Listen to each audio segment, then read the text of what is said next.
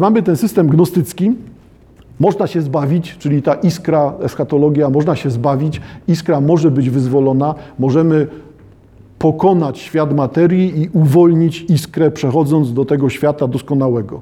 Czyli wyobraźnia dalej działa, ta wyobraźnia gnostycka, i układa się w taki właśnie porządek świata. Czyli nie ma zbawienia przez krzyż takiej wersji, czy nie ma zbawienia osiąganego na drodze poświęcenia ofiar i działań, jak nie wiem, jak w przypadku Mahometa, mamy inny system.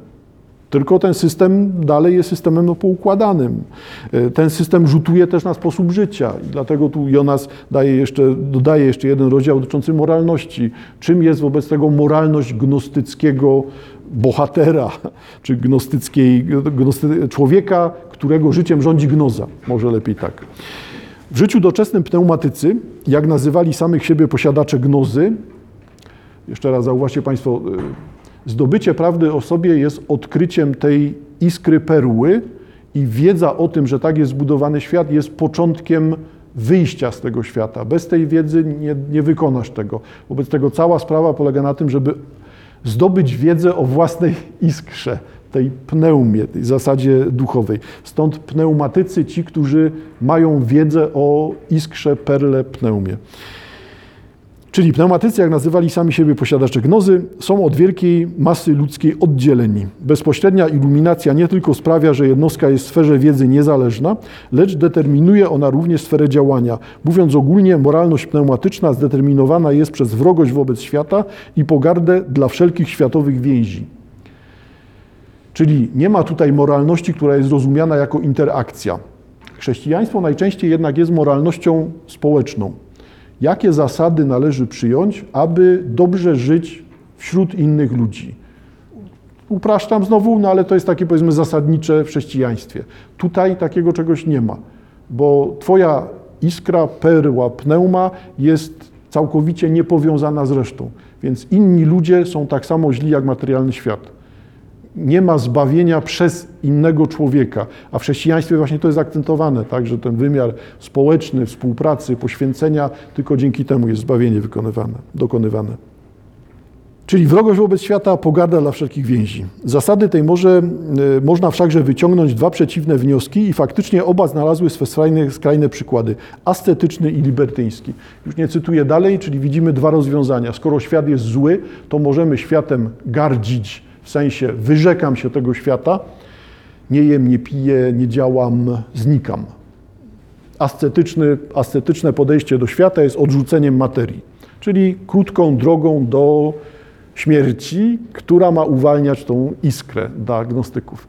Albo podejście libertyńskie. Skoro świat jest zły, to ten świat zły dotyczy tylko mojej materialnej części. Czyli dla gnostyka libertyna iskra nie ulega skażeniu. Wszystko jedno, co robisz w życiu, nie jesteś w stanie naruszyć tego, co jest Twoją pneumą iskrą. Czyli nie ma konstrukcji grzechu i zła. Rób co chcesz, rób, nie rób, nie ma najmniejszego znaczenia. Wszystko, co robi ciało, zostaje w świecie materii. Nie jesteś w stanie naruszyć, zniszczyć swojej duszy, obciążyć jej, skazić, tak żeby jej uniemożliwić przejście, wydobycie się przez to oświecenie, zdobycie gnozy, e, przejście do nowego świata, czy tam lepszego świata. I teraz zauważcie Państwo, że ta opowieść jest właśnie opowieścią o tej dziewczynce. Dziewczynka straciła ojca. Dziewczynka musi odkryć, no, banalizuję, wiem, z tą dziewczynką, bo to raczej będzie co, nastolatka, prawie pani, kobieta. Będę mówił łagodnie dziewczyna. E, wobec tego, ta dziewczyna widzi, że świat jest zły. To jest ta opowieść. Ta dziewczyna traci ojca, który znika. No więc dla niej ratunkiem będzie pewnie zdobycie wiedzy o tym ojcu, co się z nim stało, bo ona chce wyjść z tego świata i w tym ojcu, odkrytym, zdobytym, spotkanym, odkryć samą siebie, czyli wyciągnąć tą swoją iskrę, tą pneumę. Czyli konstrukcja gnostycka jest tutaj konstrukcją fabularną w tym tekście. Jeżeli tak na to popatrzymy, to okaże się, że to, co ja wcześniej nazywałem tym kopciuszkiem, tak, ten y, popiół z makiem przebierającym w kuchni, tutaj ma większy ciężar, bo ten kopciuszek też ostatecznie się uwalnia, dokonuje metamorfozy. Kopciuszek finalnie jest tą kobietą pełną, spełnioną, wyzwoloną, inną od tej kuchty, którą była. No to tutaj fabularnie dzieje się podobna rzecz, tylko tyle, że ja zdaje się teraz streszczam już drugi tom bo tutaj sprawa jest przerwana. Nie ma tej wiedzy. Moje wnioski na temat tego, jak będzie wyglądał ciąg dalszy tej opowieści, wynikają z tego, że skoro to jest gnostyckie, no to po prostu zmierzamy w tą stronę. Musi się to tak odbywać, chyba że rak na początku następnej książki powie, to wszystko była nieprawda i teraz zaczynamy z innego miejsca. No, kto wie, no, może to i tak być. W każdym razie, jeżeli przeczytamy to sobie e, tak sobie, no to będziemy widzieli opowieść tak jak mówiłem, młodzieżowa, magiczna, czarnoksięska. Jeżeli troszkę zastanowimy się nad tymi kombinacjami gnostyckimi, to okaże się, że e, autor narzucił nam ten system, w którym musimy sobie poradzić. Trzeba to rozgryźć. Trzeba widzieć, kto tu z czym kombinuje. Co się tutaj będzie działo? Na dodatek jeszcze, żeby było jeszcze ciekawiej, niech będzie nie trudniej, tylko ciekawiej, mamy jeszcze inne porządki w tej książce.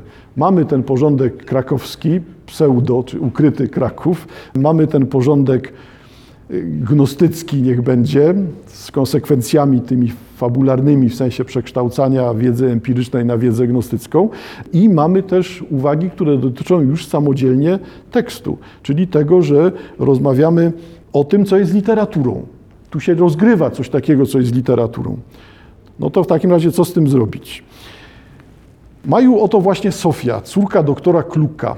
Kir Bojan sprawiał wrażenie rozbawionego niezdolnością zwykle nadmiernie pewnej siebie dziewczyny. Sofio, magistra Maja Ułuda, zgodziła się przyjąć się do terminu i kształcić w sztuce, w sztuce wysokiej gnozy. Przez pewien czas usiciła czarodziejka. Zobaczymy, jak będzie się nam współpracowało. Umówiłam się wstępnie z profesorem, że będę cię szkoliła do przesilenia zimowego. Potem, jeżeli wykażesz się odrobiną inteligencji i talentu i nie będziemy miały siebie nawzajem dosyć, zastanowimy się nad warunkami dalszych studiów. No i teraz, co się tutaj dzieje? Znowu są rzeczy, które mogą umykać. Gdzie my jesteśmy?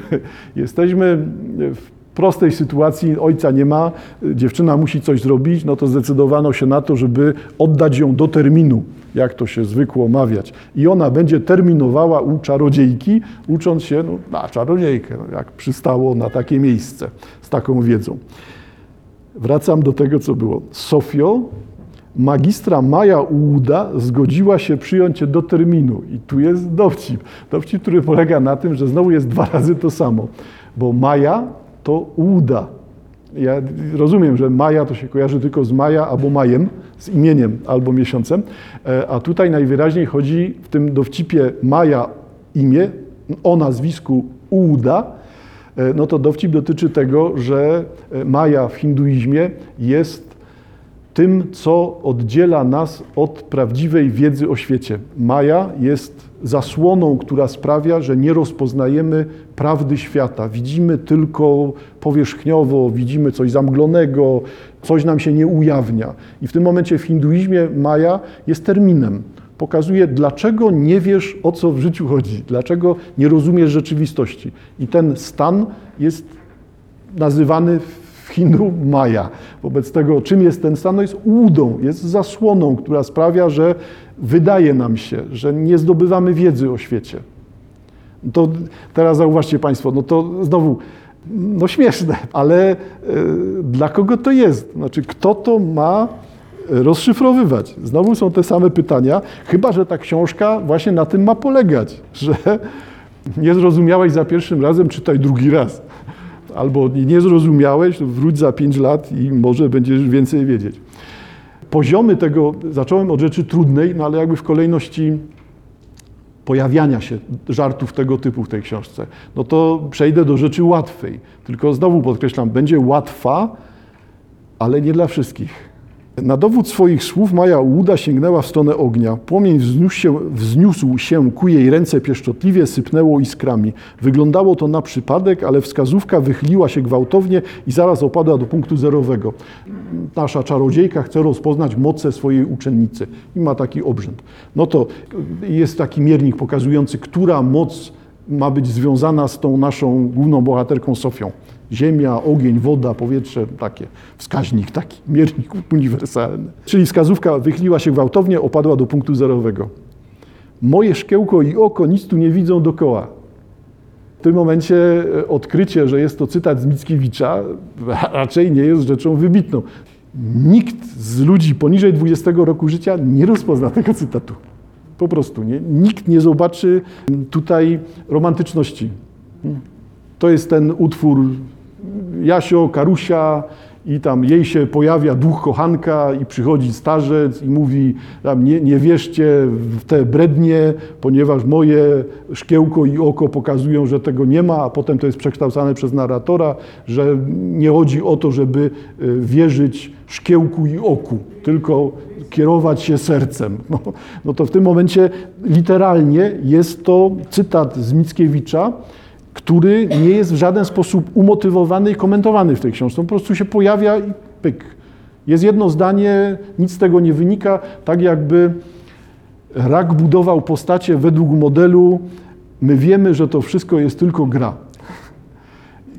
Każda z tych wypowiedzi przecież pokazuje, że to jest tu i teraz że to jest Kraków, że to jest Polska, że tu są wyraźne historyczne osadzenia, że dowcipy dotyczą realiów polskich. Przecież po przetłumaczeniu tego nikt na zewnątrz nie zrozumie takiego fragmentu, będzie niewidzialny, no to jest na nic. No to, no to o czym my znowu mówimy? Czy to jest książka czarodziejska, czy to jest książka e, o charakterze realistycznym? Parę stron dalej, dokładnie po tym cytacie pojawia się podróż dorożką przez miasto. Magistra miała na sobie surową w swojej elegancji czarną suknię, a jedyną ekstrawagancję stanowiła wiśniowa apaszka. Na ulicę Krokodyli zarządziła i dorożkarz, dorożkarz posłusznie skierował się na północ. I znowu mamy te relacje takie, które no, pff, powinny być czytelne, czy też te zabawy, niech będzie literaturą, które powinny być czytelne. Tutaj jeszcze raz szulcowskie. Kilkadziesiąt stron dalej. Rozmowa postaci. Jak wspaniale ją mowie potrafią żonglować słowami i wszystko wybielać. Prawda? Ze znakiem zapytania. Na początku było słowo, a skoro słowo było u Boga i Bogiem było słowo, to człowiek zanurzając się w słowo po uszy, może za jego pomocą wybieleć jak baranek. Nie, nie dość, że mamy początek Ewangelii Jana, to mamy też cytaty z psalmów, że wybieleje nad, śnieg bielszy się stanę, pokrop mnie hizopem stanę się czysty, e, plus jeszcze ten baranek, który jest i paschalny, i chrystusowy. No, no ale wyraźnie widać, że to jest y, y, jakieś przymrużenie oka do czytelnika, że skoro nie bawią cię przeżycia dorastającej panny i jej wchodzenie w kobiecość i wyjaśnienia dotyczące odkryć podpasek, no literalnie ta książka też tego dotyczy, bo ona nie wiedziała, że jest coś takiego jak podpaski, dopiero ją y, ta nauczycielka, czyli Maja Łuda, wtajemniczyła w to, że można to tak potraktować no to znowu parę stron dalej jest ta sama zabawa wykonywana. Dzień przed tym, jak wprowadziłam się do tego domu, próbowałam przywołać chowańca. Sama nie wiem, jak go sobie wyobrażałam. Może jako kota, który mówi, jest cały czarny z białym półksiężycem na czole, nie znosi pod drzwi martwych myszy i nigdy nie sika do butów. Chowaniec to jednak więcej niż rozumny towarzysz, to część krwi maga, część jego imienia. Zaklęcie się nie powiodło, czułam to dobrze rozbraja mnie to. No powiem szczerze, rozbraja mnie to, bo tym razem dowcip dotyczy trzydziestolatków. Tylko aktualna trzydziestolatka jest w stanie zobaczyć, że my żartujemy o czarodziejce z Księżyca. No to dla kogo to jest? No dla mnie, no znaczy, dobrze, ja przypadkiem wiem, czego dowcip dotyczy, ale no zdecydowanie nie jestem typowym czytelnikiem. No to nikt starszy, nikt młodszy. Te y, żarty raka są żartami adresowanymi. Żeby w tym się połapać, trzeba być w Polsce na początku lat, nie, w drugiej połowie, w drugiej połowie lat 90., kiedy mamy w Polsce, bo to na świecie było wcześniej, w Polsce mamy tą karierę czarodziejki z Księżyca i wszystkie rzeczy dookoła, łącznie z tymi zaklęciami, nie wiem czy Państwo pamiętacie, tam mydło, powidło i tak dalej, tam były takie dziewczynki czarujące takimi plastikowymi, chyba tak wyglądały przynajmniej, różdżkami, ale między innymi głównym bohaterem jest najbliższy przyjaciel bohaterki, tej Sailor Moon, e, który jest tutaj opisany. No, jako kota, który mówi, jest czarny z białym półksiężycem na czole, nie znosi pod drzwi martwych myszy, można z nim pogadać. No to, to jest postać wyjęta z komiksu. No to właśnie, nie? Po prostu, co rak usiłuje zrobić? Usiłuje mieć y, czytelników podzielonych na 20 grup i co stronę dla jednej grupy dowcip. Y, Przy czym grupa 18 nie zrozumie dowcipu dla 12, 12 dla 6. No niby w ten sposób osiągamy to, że każdy znajdzie jakiś dowcip co pewien czas. No ale moim zdaniem coś tu zaczyna się zacierać. Nie? Bo to jak to, jak to ugryźć? Dlaczego w ten sposób to jest zrobione? Nie wiem. Dziwaczne i chyba tak to się wyczerpuje, że niby sprawne literacko, niby to się czyta, ale czyta się w momencie pominięcia. Jakby to, o czym wspominałem. Kładziemy lagę, nie zajmujemy się tym, akceptujemy jak leci. No ale to chyba nie na tym polega. No, to nie jest ten model lektury, szczególnie, że te dowcipy wskazują na to, że wymagana jest ta lektura y, ze zrozumieniem, taka pełniejsza. No a okazuje się, że to przestaje nam y, pasować. Y, Nie wiem, czy Państwo pamiętacie, jeden z najbardziej znanych witraży projektowanych przez Wyspiańskiego jest taki witraż w Krakowie w kościele franciszkanów e, pokazujący Boga Stwórcę świata. Jak się wchodzi do kościoła franciszkanów, no, trzeba zobaczyć, nad, od- odwrócić się i spojrzeć nad e, chór. Jest tam taki bardzo charakterystyczny Bóg, totalnie Bóg Ojciec, biały, długa biała broda, wzniesiona ręka i witraż nazywa się Stań się, czyli mamy Boga Demiurga. No i teraz e, część opowieści tych tutaj, no to z jednej strony wymagają tego, żeby widzieć, że jeżeli tutaj mamy, wchodzę do sali, w której znajduje się wielkie okno wypełnione wizerunkiem i u raka ten wizerunek Boga będzie konsekwentnie nazywany carem, to to jest złożony dowcip, bo z jednej strony Rak wymaga od czytelnika, aby czytelnik wiedział, że taki witraż jest. On, już nie będę szukał cytatu. Ten witraż jest, jest częścią Krakowa. Wszyscy turyści muszą to zobaczyć. E, Wobec tego, ale teraz Państwo odwróćcie to. Nie jesteśmy w kościele chrześcijańskim, jesteśmy w świątyni gnostyckiej. Wobec tego ten witraż nie jest witrażem boskim, to jest witraż pokazujący demiurga, złego demiurga. I dlatego ten witraż jest taki gigantyczny, taki przytłaczający, taki groźny. Z punktu widzenia raka, dlatego. No bo zostawmy, że wyspiański gnostyk to tam nie, nie dzisiaj w każdym razie, tego nie będę robił, ale nagle pojawia się inny komentarz. Komentarz właśnie taki, to jest świątynia tego złego demiurga, bo to jest ten świat gnostyckich wierzeń. Powiedzmy, że to jest rozpoznane. Ale teraz, jak zrozumieć przejście konsekwentnego nazywania Boga, no wiemy, że tego złego demiurga, ale Boga w tej książce carem. To przecież jest dowcip. Dowcip, który dotyczy tego, że jedno z najbardziej obraźliwych imion Boga, które pojawia się w literaturze polskiej, no to jest właśnie to. Jesteśmy w końcówce wielkiej improwizacji dziadów, część trzecia. Odezwij się, bo krzyknę, końcówka. Konrad tam się już tam wynarzekał się, wynarzekał, nikt go nie słucha, nikt mu nie pomaga i na samym końcu jesteśmy, e, Boże, do Ciebie mówię, teraz już trawestuję, e, do Ciebie mówię, odezwij się, bo krzyknę, żeś Ty nie Panem świata, ale i mamy zmianę, bo to tego nie mówi Konrad, tylko pojawia się głos, no i teraz powiemy za Mickiewiczem diabła, który za Konrada kończy. Konrad pada nieprzytomny, nie wypowiada tego przekleństwa nazywania Boga carem, upada, kończy za niego diabeł. No to teraz w kręgu gnostyckim to jest jeden z tych archontów, który mówi, wezwał prawdziwego Boga rządzącego światem materialnym. Nie ma innego. Jest tylko ten zły demiurg.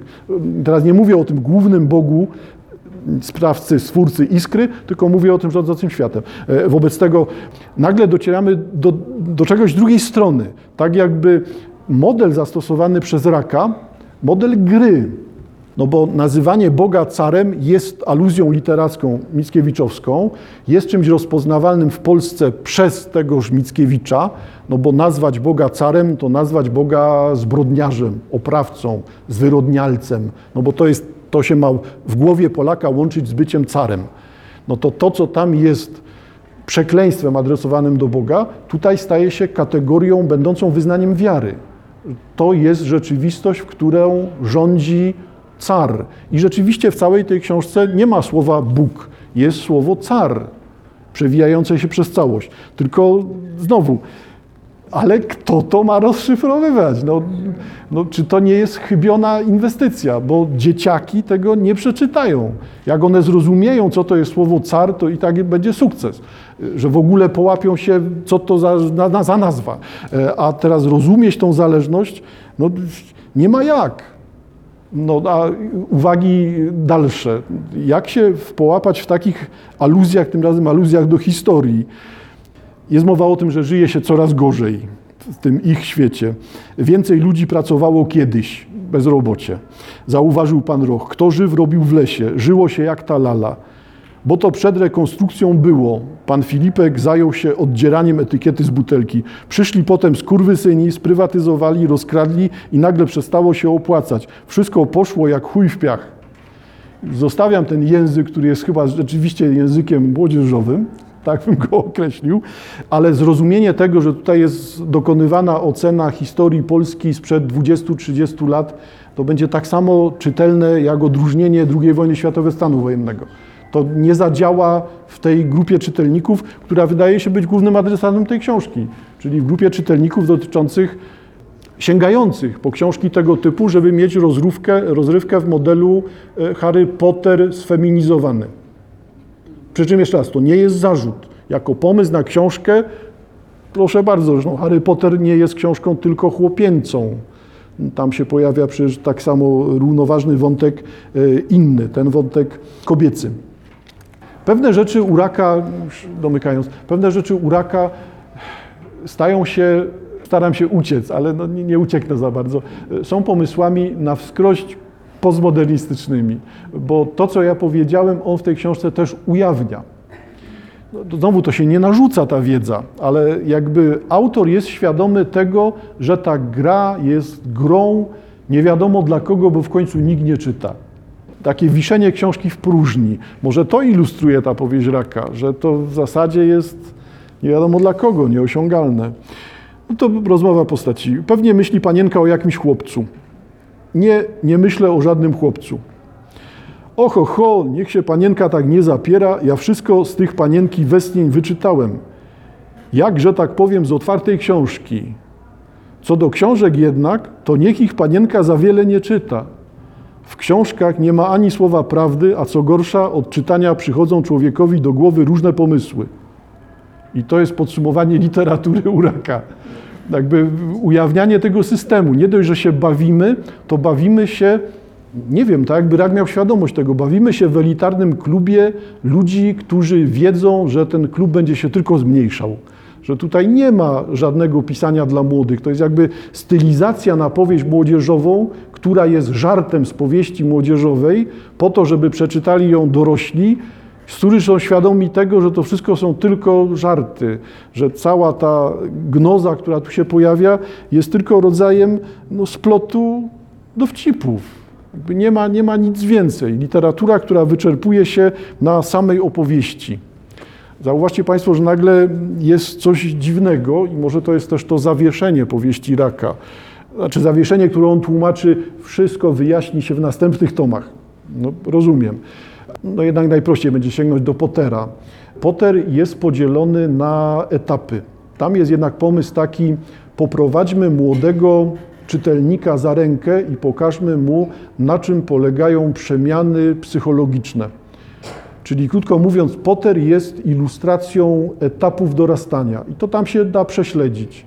Na początku z dziewczynami to są na tej zasadzie, jak kumple tam się pogonią i coś głupiego zrobią wsadzą patyk do nosa trollowi, czy różdżkę, przepraszam, trollowi do nosa. No to z jednej strony tak jest, a potem się odbywa to dorastanie, które nagle przeradza się w związek i to związek skomplikowany, bo kobieta, dziewczyna, kobieta przewidywana przez czytelnika jako partnerka głównego bohatera Pottera ostatecznie jest partnerką, czy kobietą, żoną definitywnie, definitywnie jego przyjaciela.